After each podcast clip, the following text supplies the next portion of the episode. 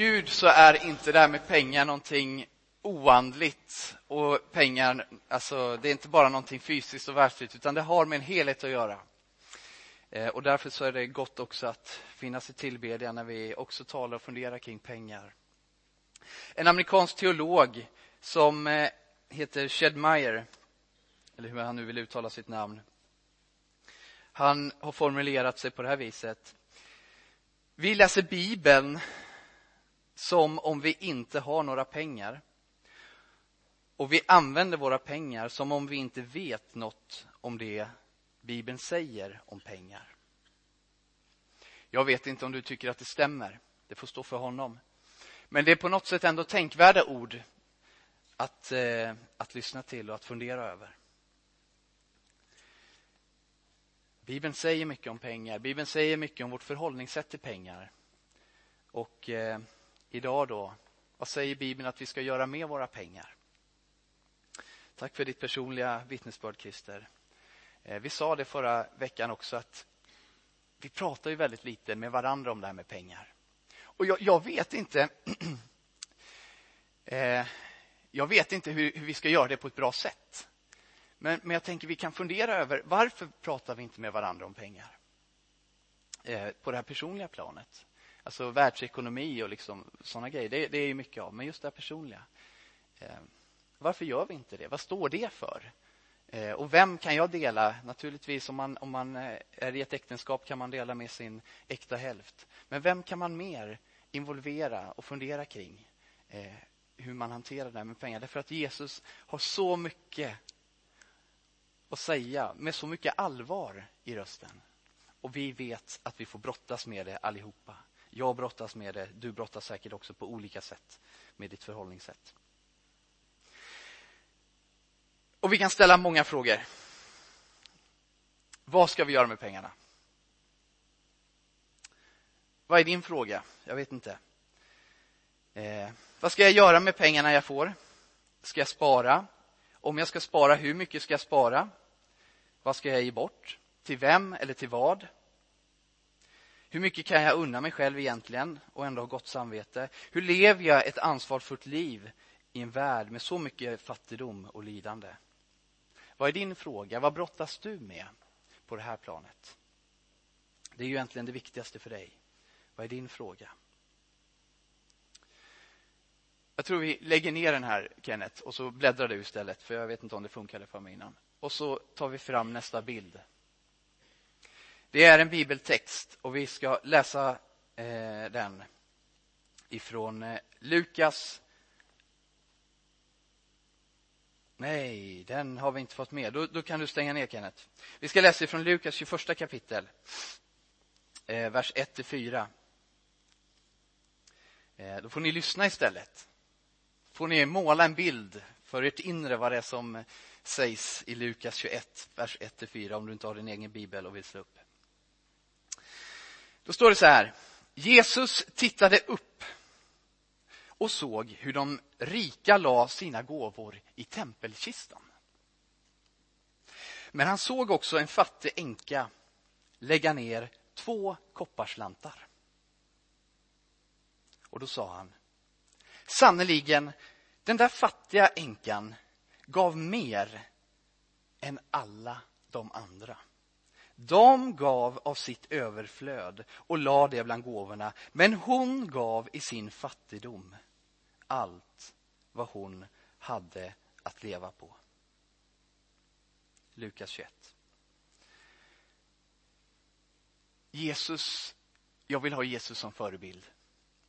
Jesus sätter sig vid tempelkistan och tittar lite grann på vad folk stoppar ner. Jag måste vara helt ärlig och säga, jag följer inte Jesu exempel jätteofta. Ni behöver inte oroa er för det. Jag står inte och spanar vad ni lägger i kollekten. Jag tror inte Lisbet gör det heller. Ja, hon skrattar, jag tar det som ett jakande.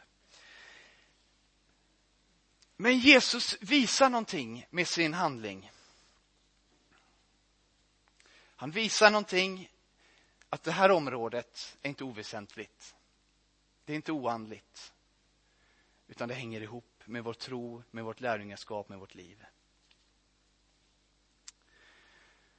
Jesus satt ju inte där för att ge någon dåligt samvete. I alla fall inte primära målet. Sen kanske någon fick det, det vet jag inte. Men primära målet var ju inte att ge honom dåligt samvete. Och det sa vi också förra veckan. De här gudstjänsterna om pengar har inte som mål att vi ska gå hem med dåligt samvete. Men vi ska få ett förhållningssätt, förhoppningsvis hjälp med vårt förhållningssätt. Sen får man väl vara helt ärlig och säga att det kan ju vara så att någon får dåligt samvete och det är bra därför att vi behöver göra någonting åt hur vi faktiskt lever. Och det får vi inte skjuta undan. Det ska ju sägas också. Men det är inte det som är målet med de här gudstjänsterna. För det är inte målet med vårt lärjungaskap. Det är inte målet med vår tro att vi ska gå runt med dåligt samvete. Målet är att vi ska kunna leva i frihet. När Jesus sitter där så lär han oss någonting eh, genom det han säger. Han lär oss att det är inte summorna som, människor som människorna ger som är det viktiga. Utan det är hjärtat. Det är inte summorna som stoppas ner i den stora kistan. Utan det är vilket hjärta som stoppar ner summorna som är det viktiga i Jesu ögon. Änkan gav jämförelsevis, alltså några kopparslantar, det är, det är liksom ingenting nästan. Eh, några ören tror jag. Men ändå säger Jesus att hon ger så mycket mer än de andra. Och kvinnan visar oss och utmanar mig oerhört i hur fri hon är. Hur fri hon lever sitt liv. Fri ifrån begäret. Hon lever ett bekymmers, bekymmerslöst liv. Fri från materialismens begär. Och i en djup förtröstan så läser jag hennes liv på Guds omsorg om henne och om andras behov. Jag tror att det kan vara gott att ha med den här berättelsen om Jesus vid tempelkistan när vi går vidare och funderar på vad gör vi med våra pengar?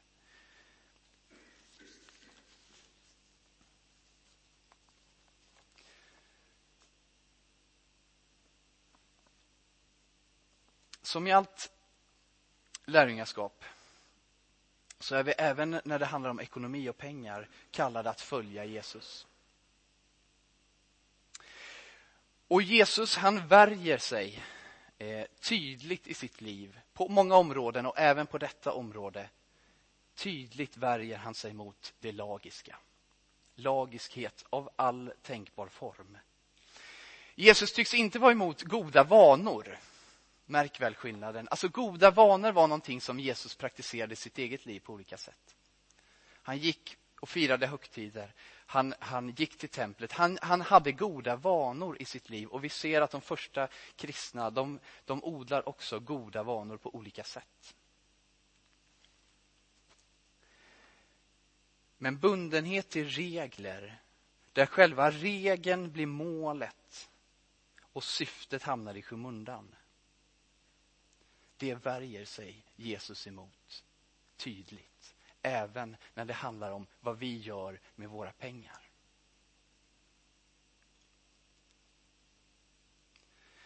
Han säger ju inte tydligt, och det här var vi också inne på förra veckan. Alltså, ska jag, ska jag spara pengar? Ja, de flesta av oss gör säkert det i någon form. Om vi har möjlighet. Jesus säger inte så tydligt, ska vi spara? Han säger inte hur mycket som i så fall är rimligt att spara till sin egen framtid, till sig själv, till sina barn. Han säger ju ingenting tydligt om vi ska skaffa extra premiepensioner eller inte, eller vad det nu heter, pensionsfonder heter det kanske. Ja, ni hör vad jag är inne i. Det är inte så mycket i den här världen. Men han säger ju inte så tydligt, eller hur? Det finns ingen liksom handbok för hur vi ska göra. Men det han varnar för och det han säger det är att låta sparandet och våra samlade rikedomar bli vår trygghet.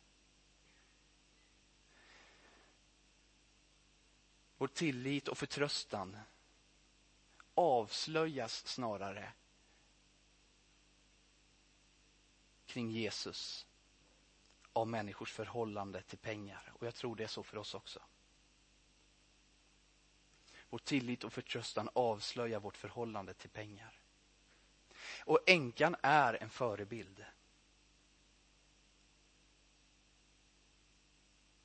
Jesus är tydlig med att skatterna här på jorden, de är högst osäkra.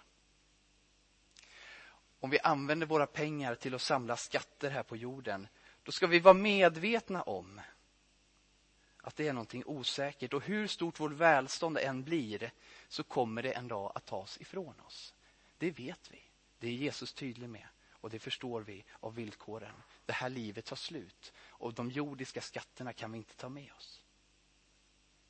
Att vara rik inför Gud, säger Jesus, det är någonting annat. Att samla skatter i himlen tror jag är viktigt att säga att det är ett skydd för vårt hjärta. Att samla skatter är ett skydd för vårt hjärta. För där vår skatt är, där kommer också vårt hjärta att vara och vi hörde sången innan.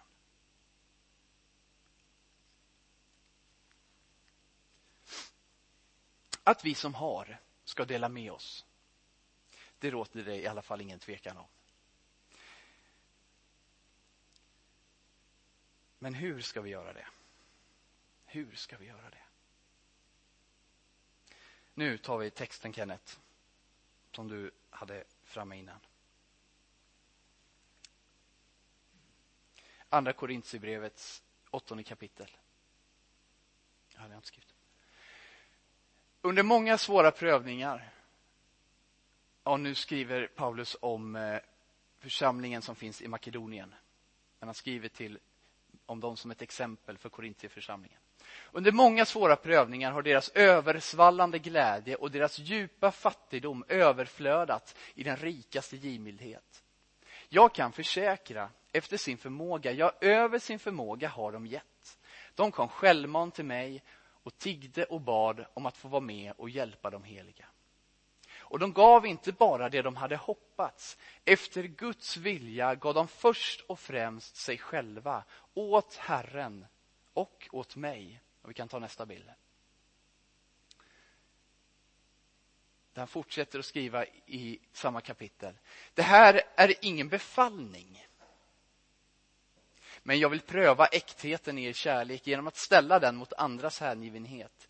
Ni känner vår Herre Jesu Kristi stora gåva. Han som var rik blev fattig för er skull, för att ni skulle bli rika genom hans fattigdom. Och så ytterligare några verser längre ner i åttonde kapitlet. Har någon bara den goda viljan, så är han välkommen med vad han har och bedöms inte efter vad han inte har. Meningen är ju inte att andra ska få det bättre och ni får det svårt. Nej, det är en fråga om jämvikt. Och det de håller på med här är en insamling till församlingen i Jerusalem i första hand.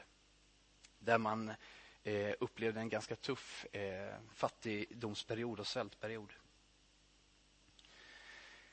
Alltså återigen ser vi hur Paulus först och främst glädjer sig åt vad då? Jo, åt att människorna först och främst hade gett sig själva. Vi är där igen. I Makedonien hade människorna gett sig själva som den främsta gåvan. Deras hållning, deras inre hållning till givandet var tydlig. De hade gett sig själva. Och det är grunden för det de sen gav ekonomiskt. Och någon kan ju tycka att det är tjatigt det här nu och undra, kom till saken nu då. Kära vänner, det här är saken. Vår inre hållning är själva saken. Vår inre attityd och vårt hjärtas eh, renhet, överlåtelse, vårt hjärtas frihet, det är själva saken när det handlar om pengar. Resten är följden. Har vi inte som Jesu lärjungar det rätt i våra hjärtan då riskerar vi att hamna fel hur vi än sen väljer att ge vidare våra pengar, hur vi ens sen väljer att använda dem, så riskerar vi att hamna fel om vi inte först har det rätt i våra hjärtan. Kan vi ta nästa bild? Hur ska vi ge? Paulus säger ju ändå några saker. Vi ska ge frivilligt. Det är ingen befallning, skriver Paulus. Var och en ska ge det som han har beslutat i sitt hjärta, inte med olust eller tvång, utvecklar han i nästa kapitel. Alltså, att ge är alltid någonting frivilligt. När vi ger så är det inget bud som någon annan lägger över våra liv, utan det är någonting frivilligt. Det är någonting som vi själva vill göra. Det är ett kristet givande. Att ge är någonting frivilligt. Och då kan vi gå vidare och se, för om det är frivilligt så kan vi också säga att då ger vi med glädje. Paulus skriver om makedoniernas översvallande glädje. Och i nionde kapitlet utvecklar han att Gud älskar en glad givare och det där bibelordet har ju retat mig ganska många gånger. Vad då? gillar han inte, älskar han inte mig om jag inte är glad? Ja, men det är inte det bibelordet handlar om. Gud älskar oss i alla lägen, har jag förstått. Men Gud vill att vi ska ge med en glädje att vårt givande, utflödet ur våra liv, också när det gäller pengar och givande, ska vara en glädje.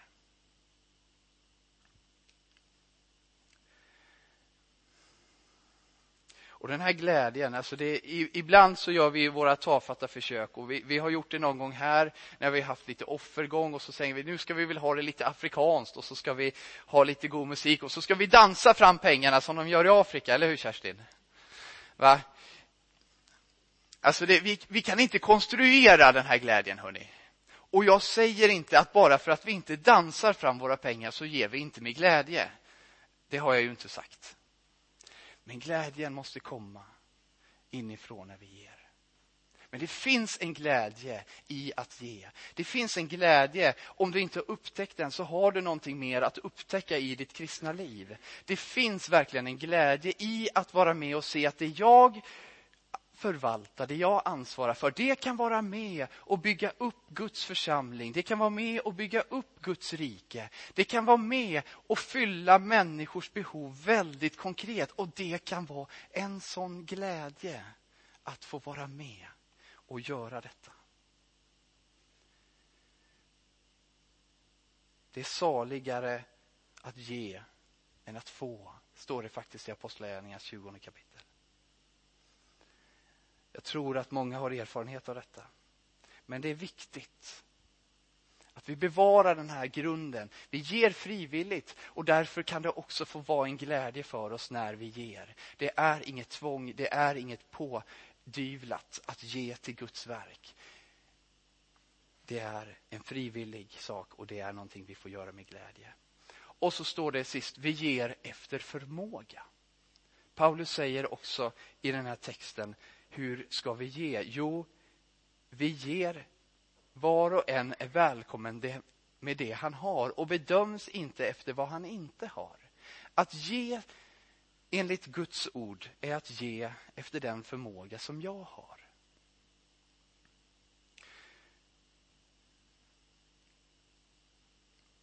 Och då kan det bli som idag då för mig. Jag hade ingenting i mina fickor. Så jag kunde ju inte ge någonting i kollekten när Boxer gick förbi. Men det är ju inte det det här bibelordet säger.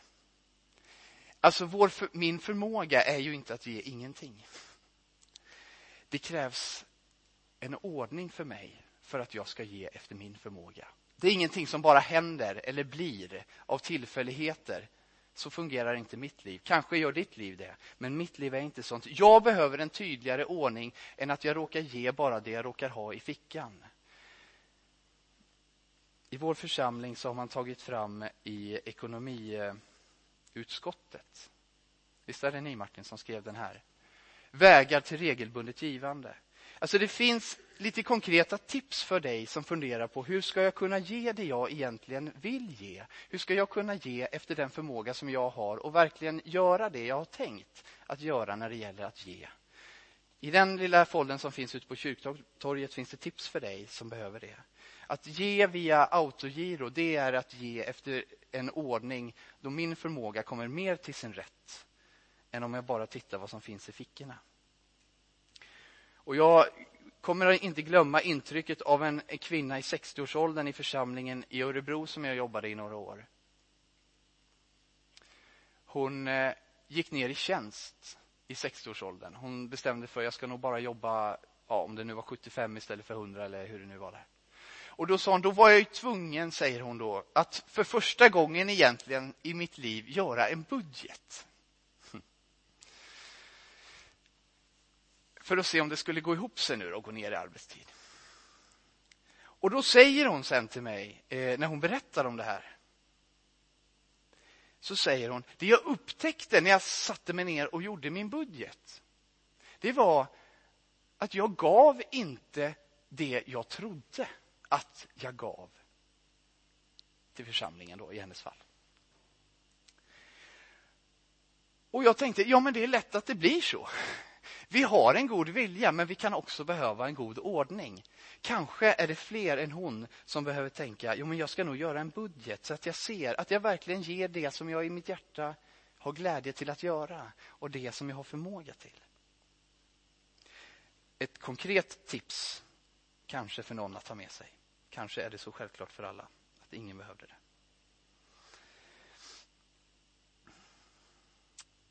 Att ge efter sin förmåga. Och så skriver Paulus eh, i vers 3 i det åttonde kapitlet. Jag har jag inte med där. Att en del gav till och med över sin förmåga. En del i församlingen i Makedonien, de gav mer än vad de tycktes ha möjlighet till.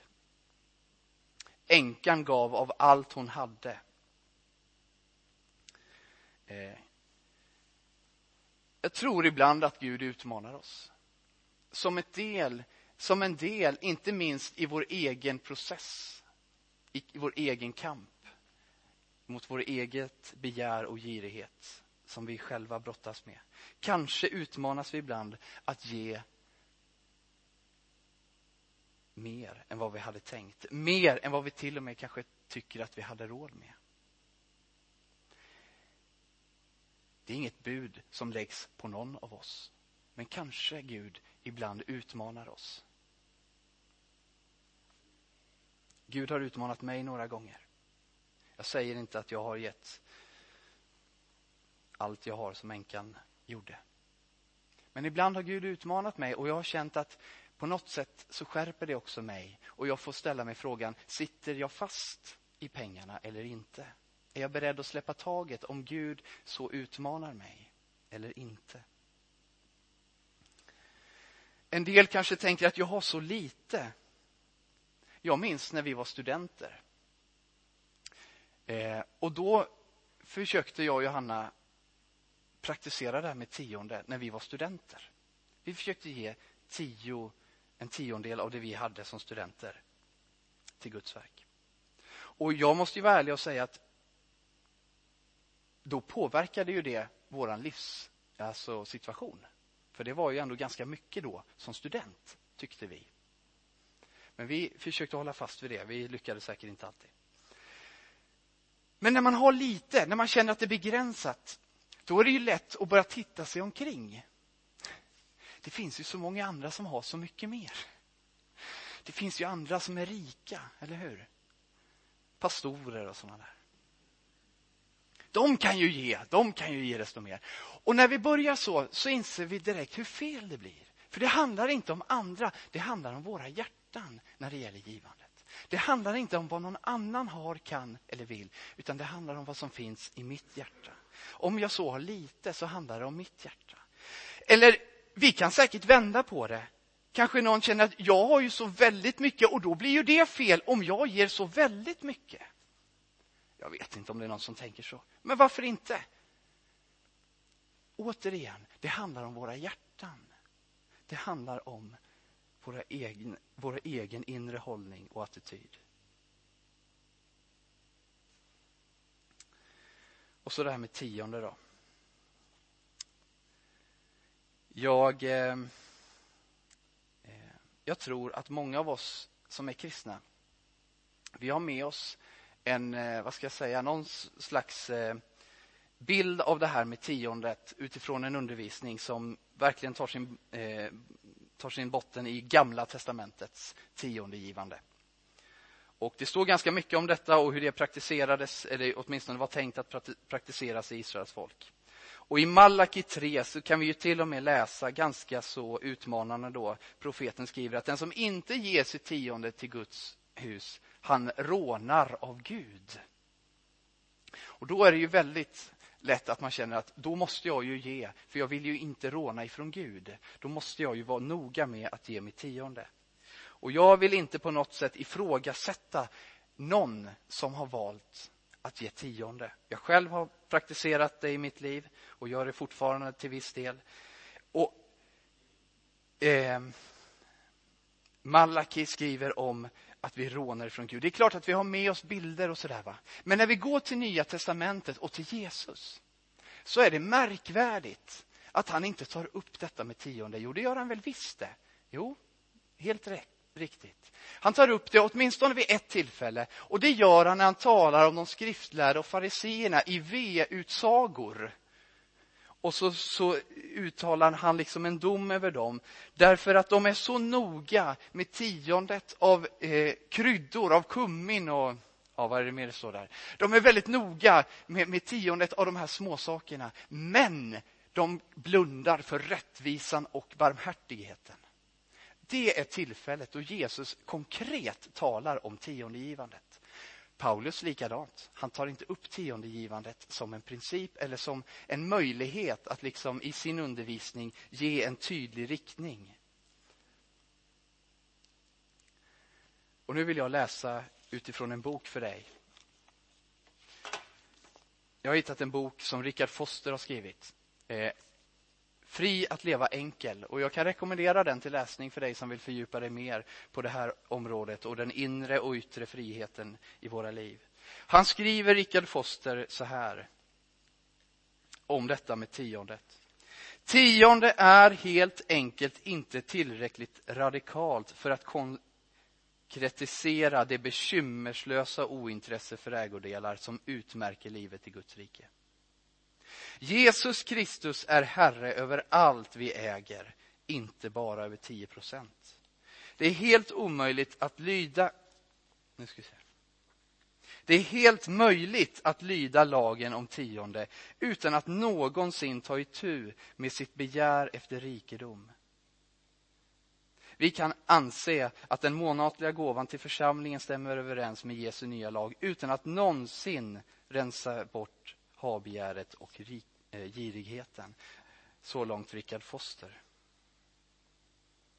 Alltså, Jesus tycks ha en större vision för oss och våra liv. Vårt kristna liv är inte begränsat till en dag i veckan, söndagen, då vi går i kyrkan. Lika lite är vår ekonomi inför Gud, liksom den kristna delen, det är de tio procenten. Så är det aldrig tänkt att bli, utan vi lever hela våra liv inför Gud.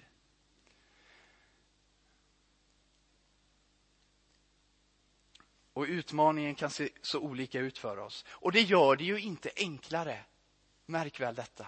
Vi sa det redan förra veckan, det hade ju varit enklare på många sätt om vi visste så här gör jag för att få okej okay i pannan. Liksom.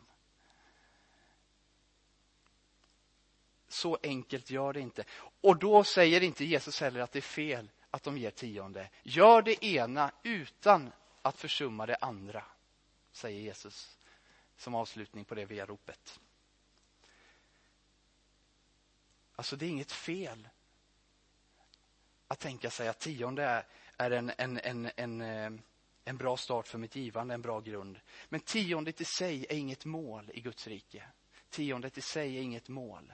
Målet handlar om en inre frihet, att ge där behoven, till behoven där de finns. Att leva fri, att inte ha begär, till pengar, att inte ha begär, att inte sitta fast.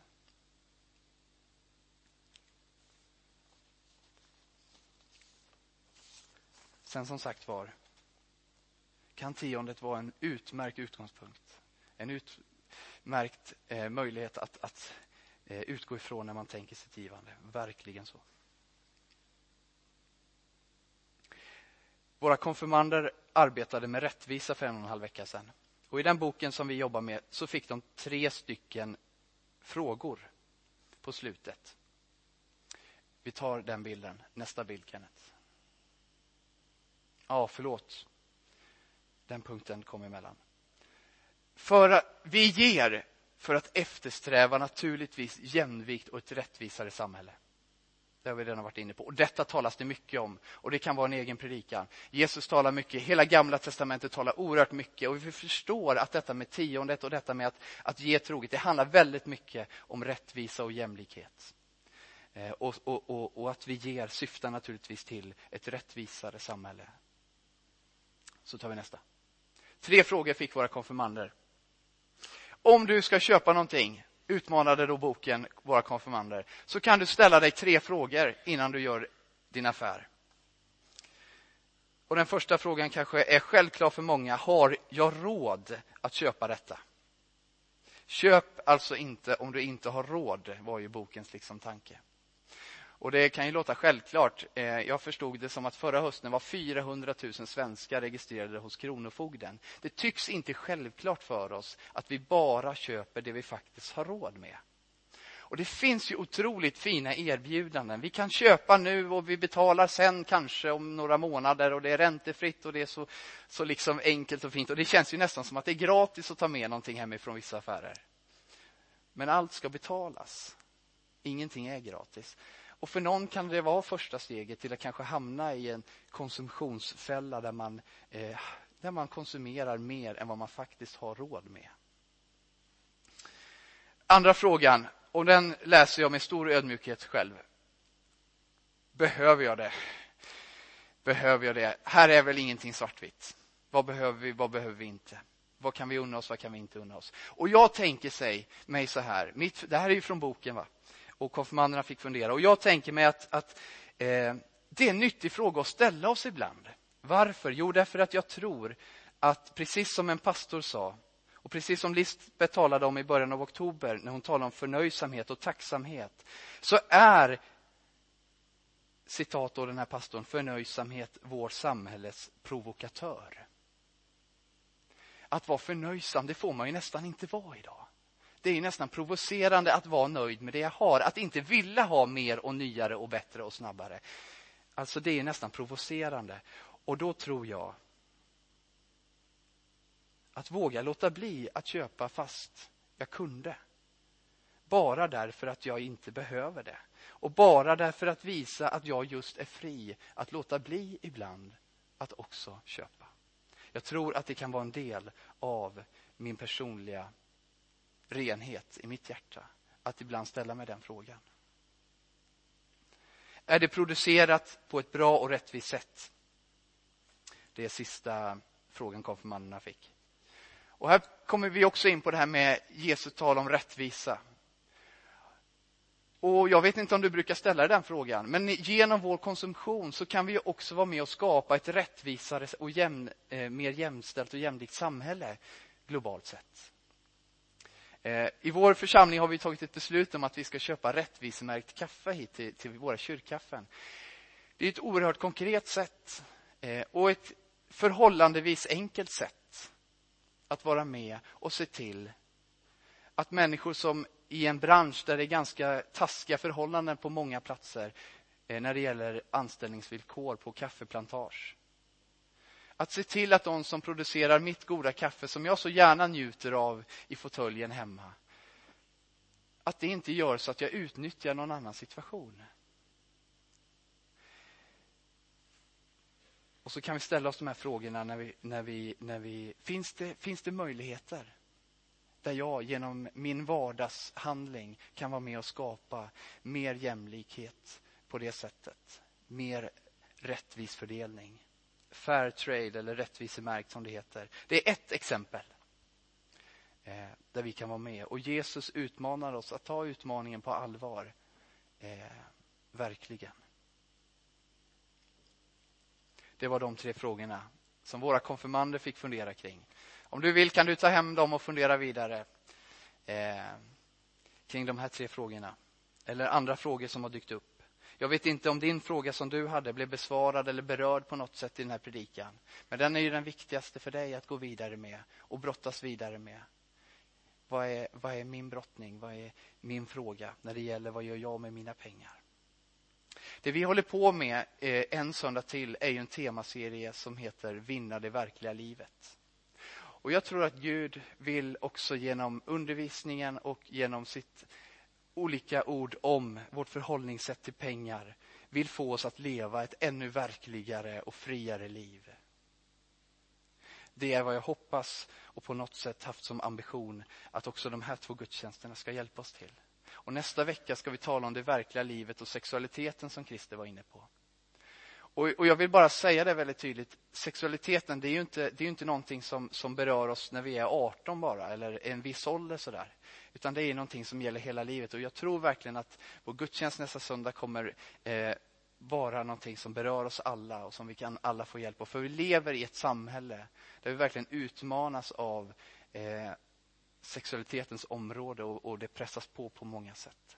Så var gärna med också och se hur vi kan hantera och bemöta detta och hur Gud har skapat oss och hur vi kan se på de här frågorna. Så välkommen med den sista söndagen i den här temaserien. Vi ska be tillsammans.